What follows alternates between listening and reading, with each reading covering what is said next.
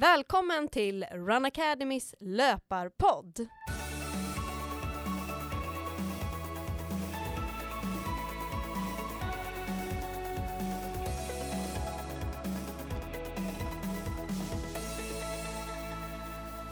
Det här är podden för alla er som gillar löpning. I dagens avsnitt ska jag, Johanna Bäcklund, tillsammans med Petra Kindlund och dagens gäst, Göran Kente, prata om mental träning. Göran Kente är idrottspsykolog och både forskar och undervisar på GIH. Han jobbar även med Riksidrottsförbundet med fokus på idrottspsykologi. Han har dessutom skrivit en hel del böcker kring mental träning. Vi kommer i det här avsnittet fördjupa oss hur ens tankar påverkar både prestationen och hur man mår och vad man kan göra för att lyckas och hur tankarna styr. Så vi säger hej till Göran! Ja, hej på er! Ja, vi har laddat upp med lite frågor här. Vi tänkte, vill du börja med att presentera vem du är? Jag kan ju berätta att eh, jag heter Göran Kente och sitter på Gymnastik och idrottshögskolan, eh, forskar och undervisar i ämnesområdet idrottspsykologi och dessutom har jag ett ansvar för eh, kompetensområdet idrottspsykologi inom RFs elitidrottsavdelning så att jag är rätt insyltad i det här området idrottspsykologi på alla håll och kanter i det jag jobbar med, både i teori och praktik. Spännande. Vi tänkte egentligen börja med en första fråga och då är vår första fråga så här, vad innebär egentligen mental träning och vem har nytta av det? Mm. Ja, mental träning är ett jättestort temaområde och eh, omfattar ju att man jobbar med tankar, känslor och beteenden. Och i princip kan man väl säga att alla har nytta av det oavsett vilken nivå man tränar och tävlar på och till och med utanför idrottsvärlden för att det handlar någonstans om att förbättra sin prestationsförmåga liksom i ett mer långsiktigt perspektiv med prestationsutveckling men även kortsiktigt här och nu kunna vara bäst när det gäller. Och sen dessutom hantera saker och ting som gör att det påverkar vår eh, mentala psykiska hälsa och liksom främjar ett välbefinnande. Så att det är viktigt och värdefullt eh, för i princip alla vi som vill må bra och prestera bra. Mm. Kan man säga liksom hur stor betydelse våra tankar har för vår prestation? Ja, det finns ingen absolut vetenskap som säger att den har 97,3 procents betydelse för vår prestation. Eh, men man kan konstatera att tankar, känslor och beteenden hänger ihop. Eh, om vi då pratar om psykologisk eh, påverkan på prestation så kan man ju säga att ibland kan det ställa till ganska stora hinder med tankar som är liksom jobbiga och hindrande som någonstans oftast kickar igång känslor och påverkar vårt beteende. Så att eh, man kan säga att eh, i värsta fall har vi ibland sådana här prestationssammanbrott när man har liksom varit väldigt eh, duktig i att göra det man kan och vill och så rätt för så tappar man allting och då kan man säga att då går det i princip från 100 till kanske noll när man får liksom ett prestationssammanbrott i vissa fall. Vad kan det bero på att det blir så? Ja, det, det, är ju just det här snabba, spännande samspelet eh, mellan tankar, känslor och beteenden. Att man någonstans helt plötsligt får en tanke att det här går inte. Eh, jag kommer misslyckas. Och så kommer det omedelbart en känsla som är ganska jobbig och så rätt vad det är så har man tappat fokus och eh, gör inte det man ska. Kan man göra någonting för att förhindra att det ska bli så? Ja, det är klart att man kan, precis som man tränar andra saker, och det ligger ju liksom i namnet mental träning, så allt är ju träningsbart. Och det tycker jag är viktigt att lyfta fram att precis som vi kan träna vår eh, fysiska kapacitet med styrka och kondition, eh, vår teknik, så går det också att träna upp mentala färdigheter och mentala förmågor. Mm. Men det, hur ska man göra? ja, antingen så hittar man någon bra bok eller går på någon bra utbildning eller tar hjälp av någon som kan ämnesområdet. Och det beror ju liksom på vilken nivå man vill lära sig saker. Det går ju ganska bra att eh, hitta kunskap och information idag på nätet och då gäller det någonstans bara att värdera vad liksom är evidensbaserad kunskap. För det finns ju så mycket saker på nätet idag. Och sen förstås eh, jobba med, tycker jag, viktigt i det här ämnesområdet, att integrera teori och praktik. Så att man kan bli väldigt duktig på att förstå teorier kring hur tankar, känslor och beteenden eh, fungerar. Men sen gäller det att jobba med det i det praktiska, liksom öva, öva, öva, träna, träna, träna. Mm. Men, men hur, om, om man eh, vill göra någonting enkelt själv, eh, vad, mm. vad kan man göra? Har du något tips liksom, om man lyssnar på det här? Ja, såklart att det beror lite på vad eh, man tänker att behovet är. Om vi ändå pratar om löpning så kan det vara så att det är motivationen som är en eh, nyckelfaktor. Det kan vara koncentrationen som är en nyckelfaktor. Ibland kan det vara just det här med nervositeten som är kopplat till tankar och känslor och eh, beteenden. Men jag tror att alla kan nog relatera till just motivation och där handlar det ju ganska mycket om att faktiskt lära sig så enkla saker som att sätta kortsiktiga och långsiktiga mål. För att eh, vi påverkas lite olika utifrån det kortsiktiga och det långsiktiga perspektivet. Och ett litet tillägg till att sätta mål är ju att faktiskt också fundera över vad är, vad är viktigt eh, för mig när det gäller fysisk aktivitet och träning och löpning och inte bara ha det här eh, enkla målet som att springa tre gånger i veckan, minimum fem kilometer varje gång. Utan om jag blickar framåt, hur påverkar det här min hälsa, och min välbefinnande och vad gör att det är viktigt i mitt liv? Då blir det oftast lite lättare att fylla på med glädje, motivation och en riktning i rätt, åt rätt håll. Mm. Men jag funderar lite så på motiva- eller att sätta upp mål. Jag upplever mm. att många motionärer framförallt, de har svårt att, att, sätta upp ett mål, utan man springer mest för att man mår bra och det är skönt. Eh, och så tycker man att ja, men det är inte prestation som är det viktiga för mig, utan det här gör jag bara för att jag mår bra. Eh, mm. men, men det är kanske bara för att de inte har det målet, så kanske det också är en anledning att de stannar hemma när det regnar. Så, så hur ska man liksom få någon som kanske inte vill att det ska vara prestationsfokus men ändå vara motiverande? Ja, det var lite det jag försökte tangera med att säga att det är ju ganska vanligt att vi börjar med de här resultatmålen som jag nämnde, att man ska springa tre gånger i veckan, fem kilometer eller 30 minuter varje gång.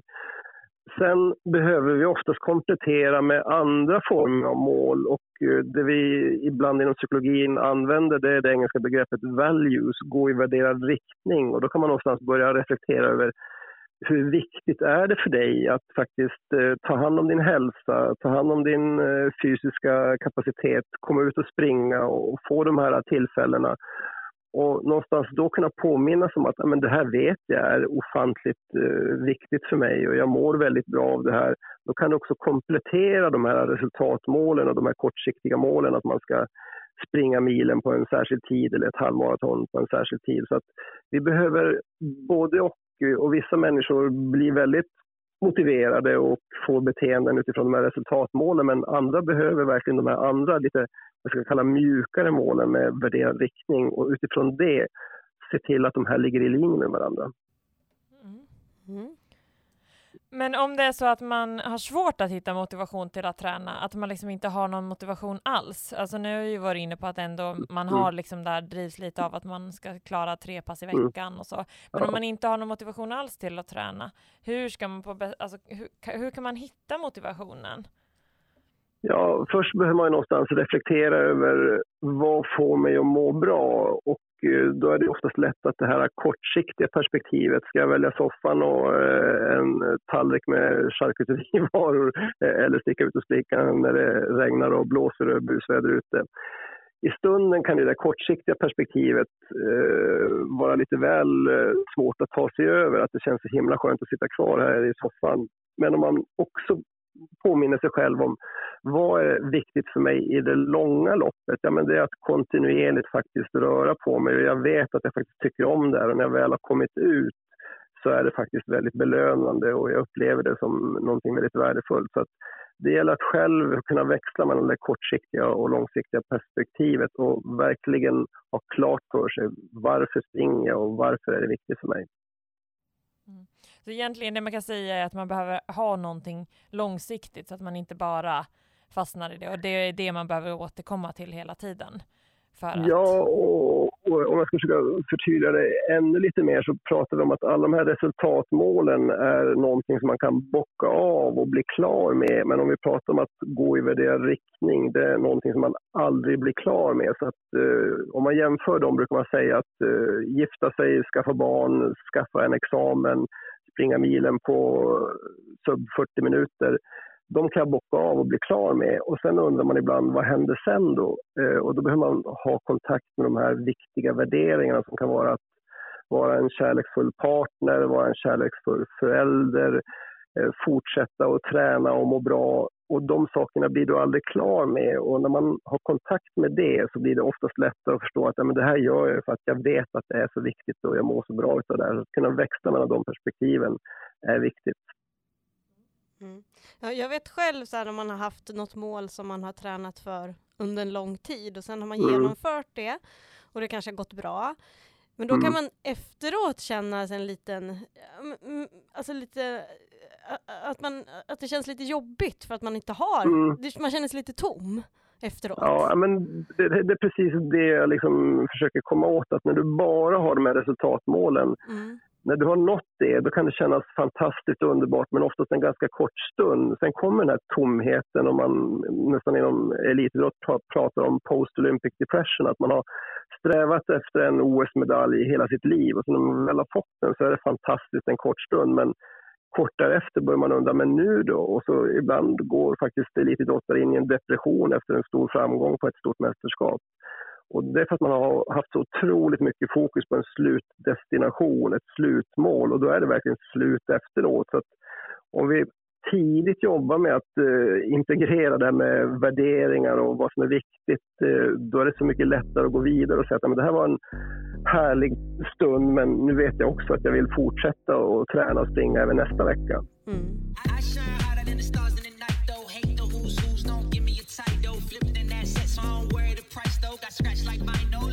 Tribal. Ah, I ain't even trying to try though. I could do this with my eyes closed. You forgot nothing on my goals. My girl ain't plastic, she don't even recycle. All these kids just wanna be idols. All these kids just wanna be rival. I need something way more than viral. I need something way more than viral. Gotta be something way more than idol. Idol, idol, idol, idol, idol, idol. Be careful not to get too close, I might just go.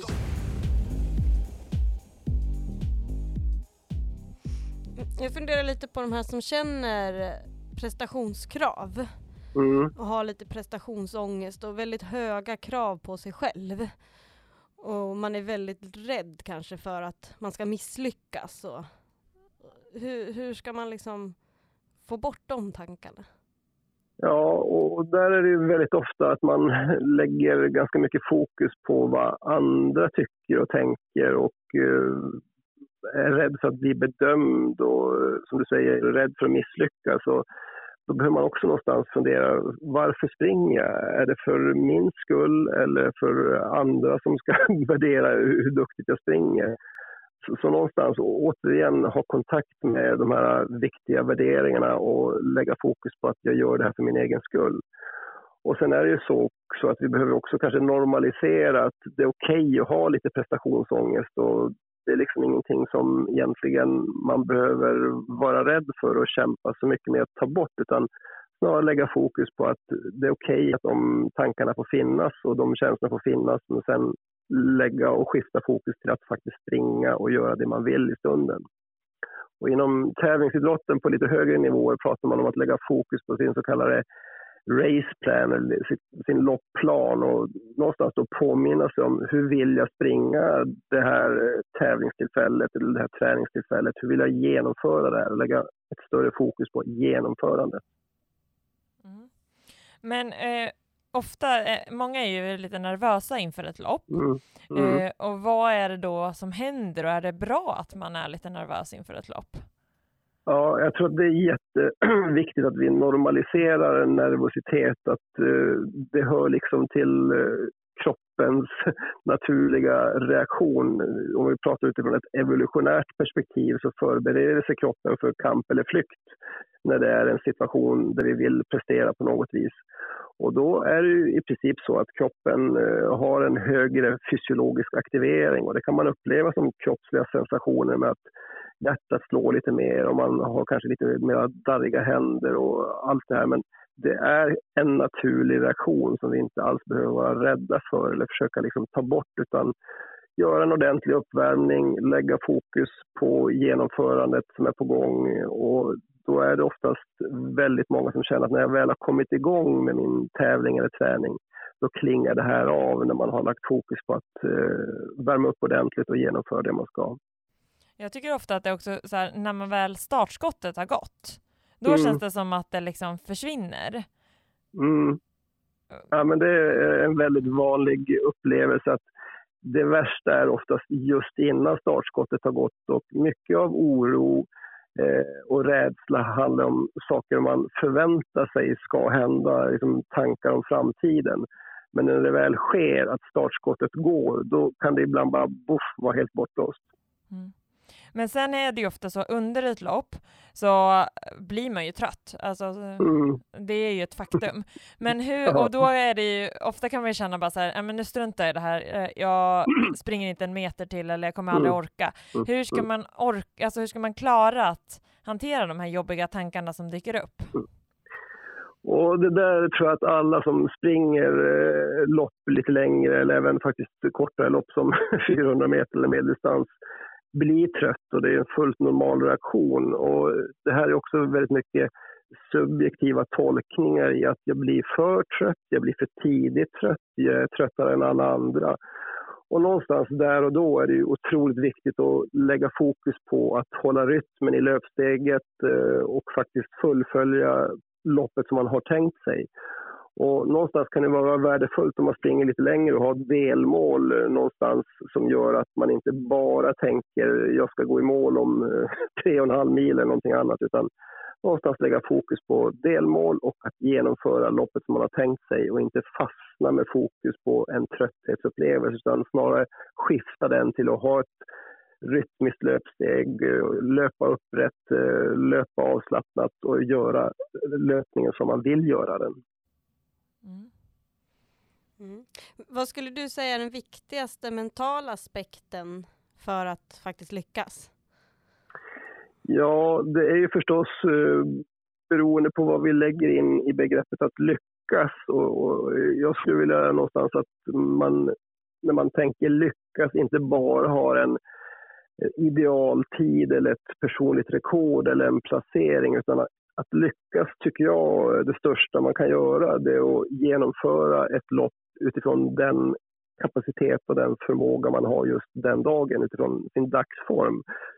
Om man kommer tillbaka efter sjukdom och skada då kanske man också behöver ha en realistisk målsättning kopplat till eh, tid och placering. Men jag tänker att lyckas verkligen handlar om att genomföra och plocka fram det man har för stunden.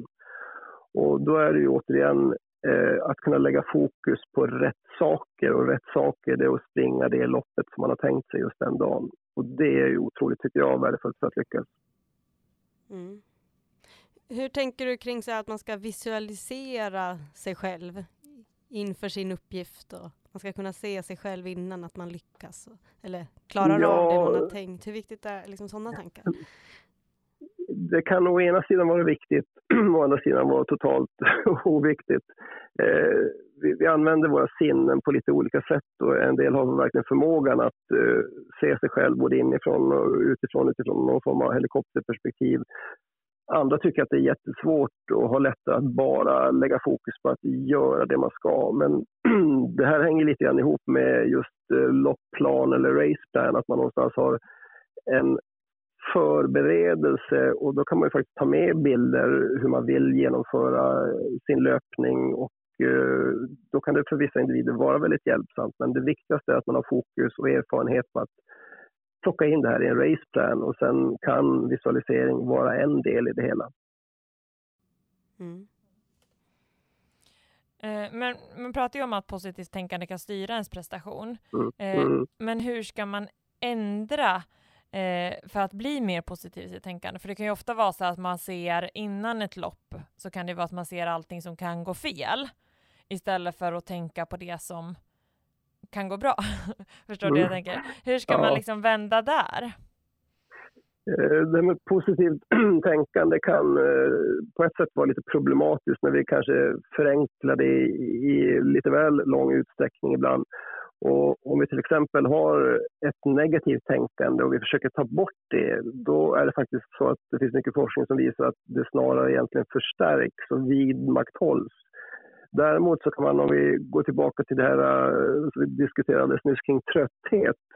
Antingen kan man ju liksom tolka sin trötthet som att Åh, jag är så otroligt trött, jag kommer aldrig lyckas genomföra det här loppet, jag måste nog bryta. Det är liksom ett negativt scenario. Men om man då kan skifta fokus till att släppa det negativa tankesättet och synsättet kring sin trötthet till att lägga fokus, kanske inte direkt på något positivt, att jag är jättepigg och jag har massor av energi, utan snarare skifta fokus till att genomföra loppet och släppa tankarna kring trötthet, då är det väldigt hjälpsamt. Mm. Jag tänker också att det är väldigt många som är hårda mot sig själv. Alltså man, man tänker ganska, ja men det där klarar jag inte av, och vad jag är dålig, och hon är så mycket bättre, klarar mer. Eh, att man har liksom sådana mycket tankar som kanske sänker ens självkänsla. Ja, och det där eh, kan vi nog känna igen eh, allihop, att det finns ganska stora inslag i det där i hela samhället och faktiskt också även i yttersta eh, elitidrotten och tävlingsidrotten. Att man är lite för hård mot sig själv och det kan i det långa loppet vara ganska bekymmersamt att vara så hård mot sig själv. Och det kan både ha en negativ påverkan på prestation men det kan också ha en negativ påverkan på din, din psykiska hälsa och ditt eh, välbefinnande. Så att märker man att någon individ har väldigt mycket av den här hårda självkritiken så behöver man kanske hjälpa den personen med att försöka hitta nya vägar framåt. Och det finns ett ganska stort forskningsområde kring self-compassion och då brukar man oftast använda ett exempel att om du som vuxen helt plötsligt ser ett ensamt litet barn, fyra fem år, komma springandes eh, och grinar och har slagit sig, vad gör man då? Ja, men man tröstar och tar hand om det och ger det kärlek och omsorg. Och på det sättet behöver vi ibland vara mot oss själva när vi har gjort en underprestation eller inte lyckats som vi har velat. Men tvärtom så blir vi oftast väldigt hårda mot oss själva och nästan sparkar på oss när vi ligger och det behöver man adressera och jobba med om det blir för frekvent och för intensivt så är det tyvärr någonting som vi behöver ta hand om. Mm. Men om jag känner någon som jag vet är väldigt hård mot sig själv mm. och vill kunna hjälpa den personen mm. att bli lite mer snäll, alltså hur ska man kunna hjälpa den? Ja, det är ju inte samma sak kring hur vi tränar det här området. Det finns ju idag en hel del litteratur kring just self-compassion som kan vara ganska hjälpsamt i det här att faktiskt läsa lite litteratur. Det finns eh, böcker skrivna av Christine Neff som är den största företrädaren inom det här området där hon både beskriver teori men också, tycker jag, på ett värdefullt sätt eh, har med en hel del övningar. Och det kan faktiskt vara hjälpsamt för många som kämpar med det här lite grann. Vad är det för typ av övningar man kan göra då? Ja, men det handlar ju någonstans om att eh, det finns tre delar i det här. Man pratar om att dels uppleva någon form av common humanity, att, det vill säga alla vi har sårbarheter och alla vi kan också känna igen varandra i att vara människa, att ibland bli lite för hård mot sig själv så att man sitter i samma båt och då känner man sig lite mindre ensam.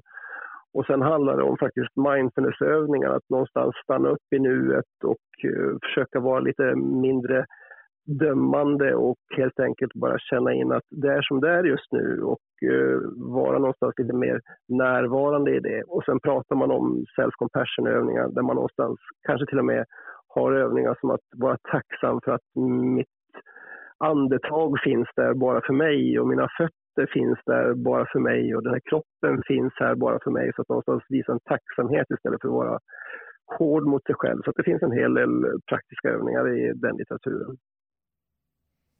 Mm. Men när man då stöter på de här motgångarna mm. eh, som kommer, finns mm. det alltså, jag tänker så här, vi har fått en del knep och eh, tankar att man ska liksom inte vara för hård mot sig själv om mm. man har misslyckats och så här. Eh, men det är ju ganska svårt att mm. inte vara för hård. Alltså man, mm. eh, det enda man vill är ju gå ut och springa loppet om på nytt.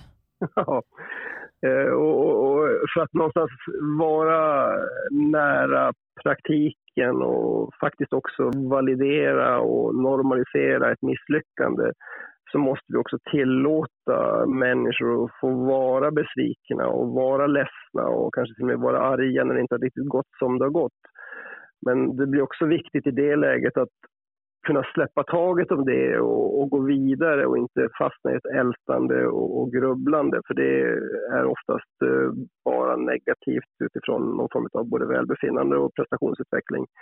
Sen tänker jag att det finns en dimension som vi ibland glömmer bort och som kanske inte är så lätt i det här omedelbara ögonblicket men man kan nästan alltid ta med sig lärdomar från misslyckanden och underprestationer och någonstans kunna hitta en lärdom och en erfarenhet som är viktig att ta med sig, då är det oftast lättare att som säger, studsa tillbaka och göra någonting bra vid nästa tillfälle.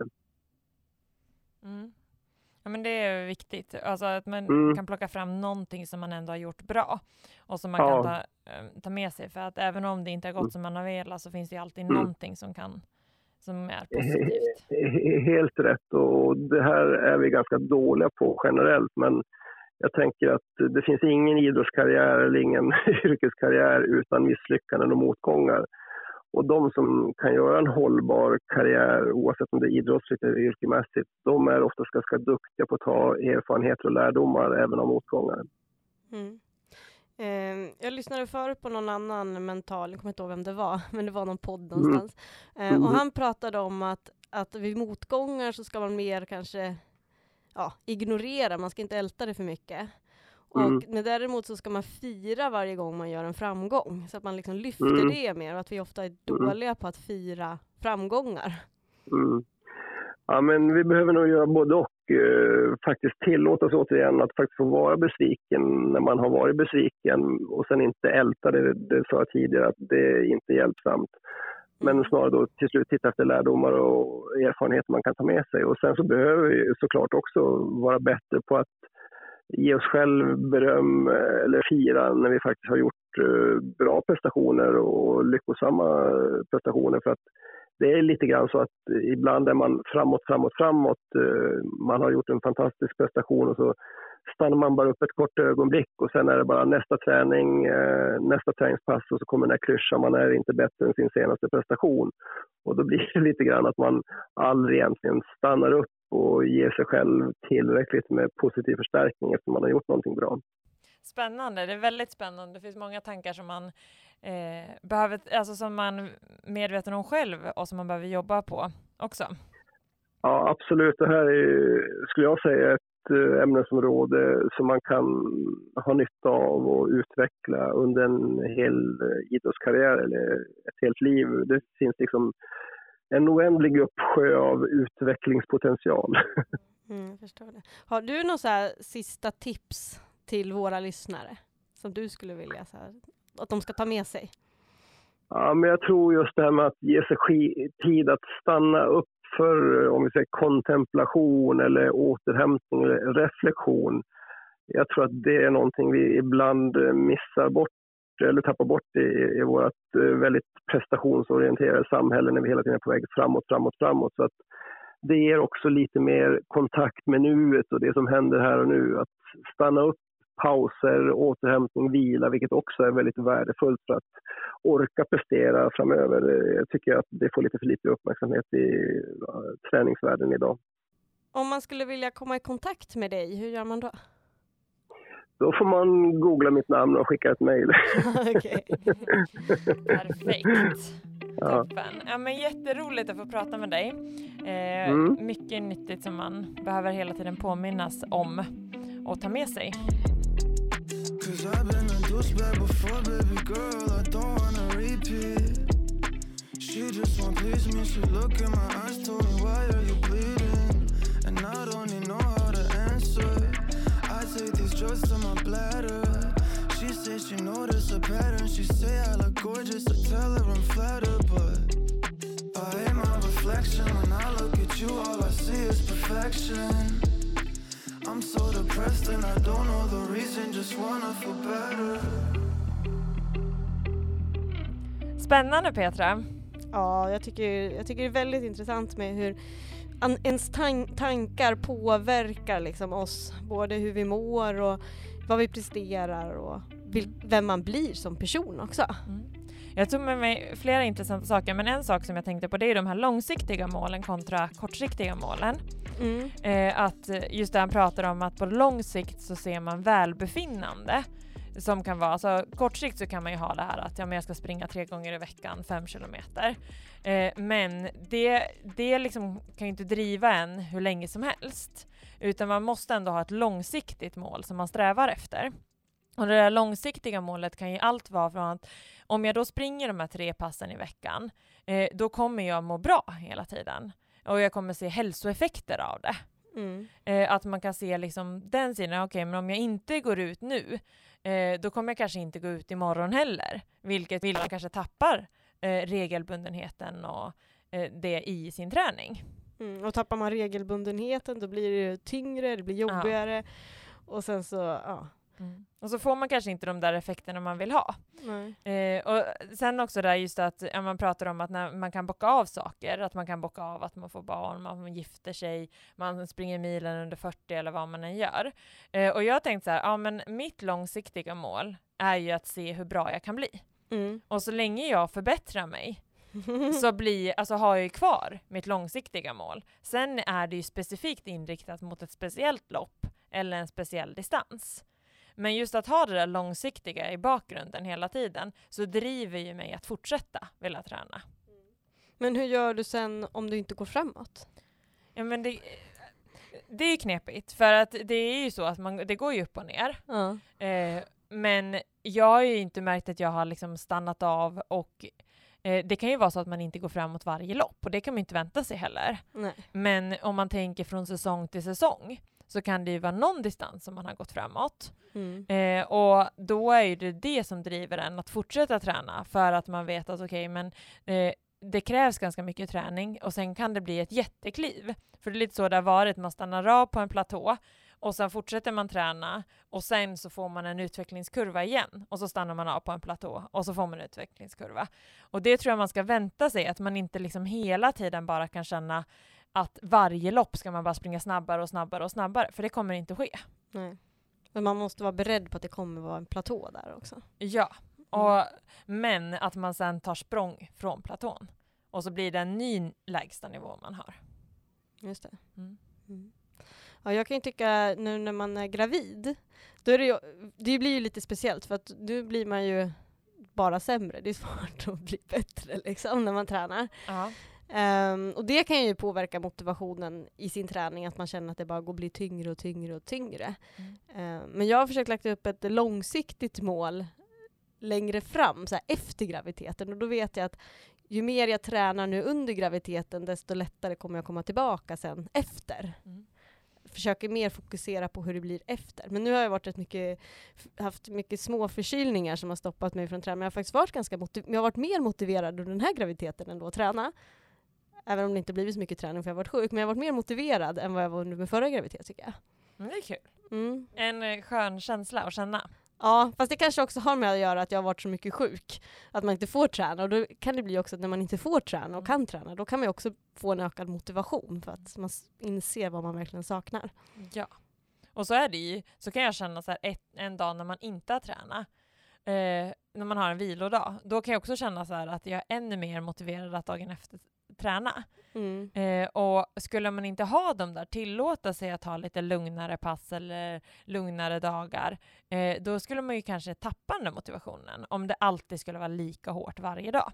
Så därför tror jag det är väldigt viktigt att man varierar träningen och tillåter sig någon gång att vila också. Mm, absolut, det tror jag med. Mm. Eh, Sen en annan sak, en långsiktig grej som man känner så här, ja men man vill, alltså just det att ha det där målet hela tiden, att återkommande eh, tänka på sitt välbefinnande och att man ska må bra. Eh, nästa vecka kommer vi öppna upp vårens, eller höstens löpargrupper. Vi har precis, kommer precis avsluta vårens löpargrupper och nu öppnar vi upp anmälan för höstens löpargrupper. Och det som är bra med våra löpargrupper är ju att man hela tiden får till träningen eftersom att det är ett pass i veckan. Eh, man får träna tillsammans med andra, man behöver inte tänka så mycket själv. Eh, men det ger väldigt bra och varierad träning. Mm. Och sen också just att man har den här träningen en gång i veckan. Det gör ju ofta att man motiverar sig och kan lägga in något mer pass under veckan för att få lite mer effekt av träningen. Man blir ju mer motiverad också när man springer med andra. Och... Mm. Ja men precis, så vill man inte halka efter de man brukar träna med. Ja. Så då måste man träna lite själv på egen hand också. Eh, så det, och vi förnyar ju alltid våra pass, så att vi gör ju aldrig exakt samma pass eh, flera gånger, utan vi har ju alltid någon liten inriktning på varje pass. Även om typ av pass, alltså vi kör tröskelpass, vi kör intervaller av olika slag, vi kör traillöpning, vi blandar lite styrka med löpning, så gör vi det på olika sätt. Det kommer alltid in någon ny övning eller det kommer in någon ny typ av antal intervaller eller någonting som ändrar.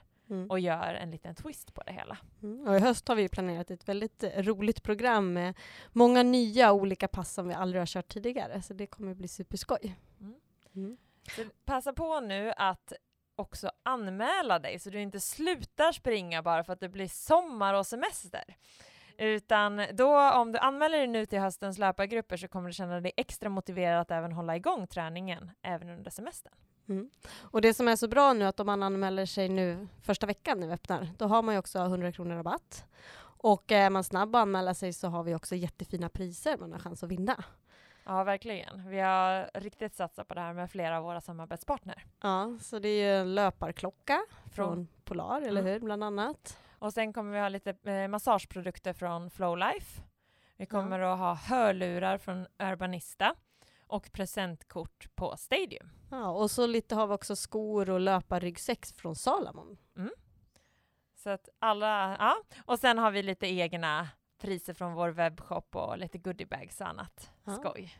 Så där har man chans att vinna. Och en helt annan grej också, en nyhet för hösten, är att vi vill ju också nå ut till fler, att fler ska kunna springa i våra löpargrupper, även de som inte har möjlighet att vara med fysiskt, man kanske inte bor på vår ort eller passar inte tidsmässigt, så kommer vi nu till höst också starta en löpargrupp online. Så man kommer kunna vara med på oss på distans oavsett var man bor, så det kommer bli superskoj. Eh, så det upplägget kommer vara så att man får ljudfiler av oss, där vi, man blir coachad av oss en gång på de här passen varje vecka. Eh, så att det blir samma pass som man kör i löpargrupperna, fast man blir coachad av oss då. Så det är smidigt, då kan man ju träna när man vill och var man vill, så att säga, om man inte har möjlighet att vara med fysiskt. Mm. Det kommer bli superbra. Men jag tänker vi kanske ska avsluta det här avsnittet kring mental träning med våra fem bästa tips. Ja, vad bra! Mm. Vill du börja Petra? Ska jag börja? Okej. Okay. eh, ja, eh, första tipset är att man försöker tänka lite långsiktigt i sin träning. Eh, att det inte bara är att man ska checka av x antal pass i veckan, utan man verkligen också ser varför. Varför gör jag det här? För det varför kan ju motivera en ännu mer att man faktiskt ger sig ut, om man ser det också lite mer ur ett längre perspektiv. Mm. Och sen att man tillåter sig, om det är en motgång, att man tillåter sig att bli besviken, men att man ändå försöker sen lyfta upp det man gjorde bra. Så att man kan ta med sig någonting positivt, även om man känner sig besviken från till exempel ett lopp eller någon annan situation. Mm. Och nummer tre, om man ska göra någon något eh, som känns lite läskigt, man kanske ska springa ett lopp eller så. Det är okej okay att vara nervös, det är ändå kroppens sätt att reagera och det är en naturlig reaktion. Så att man behöver inte bli mer nervös för att man är nervös, utan det kan vara ett sätt att liksom få kroppen att tagga igång mm. eh, kroppen lite. Och sen nummer fyra, att man tänker lite mer på genomförande. Och det här kan man både ta med eh, när man ska springa ett lopp, att man tänker på hur man ska genomföra loppet, men också i olika situationer som annars dyker upp i livet, att man tänker på hur man genomför situationerna. Eh, och sen får resultatet komma därefter. Mm. Och sen nummer fem, om man känner liksom väldigt hög prestationsångest och tycker att det kanske är jobbigt att springa det här loppet eller göra det här, fokusera då kanske mer på varför man gör det här. Att det gör det i långa loppet, att du mår bra och att du blir glad. Och att det kanske inte är det viktigaste just här och då, hur du presterar, utan fokusera istället på ditt varför. Mm. Men här, de här eh, fem punkterna så vill vi tacka för att du har lyssnat på dagens avsnitt.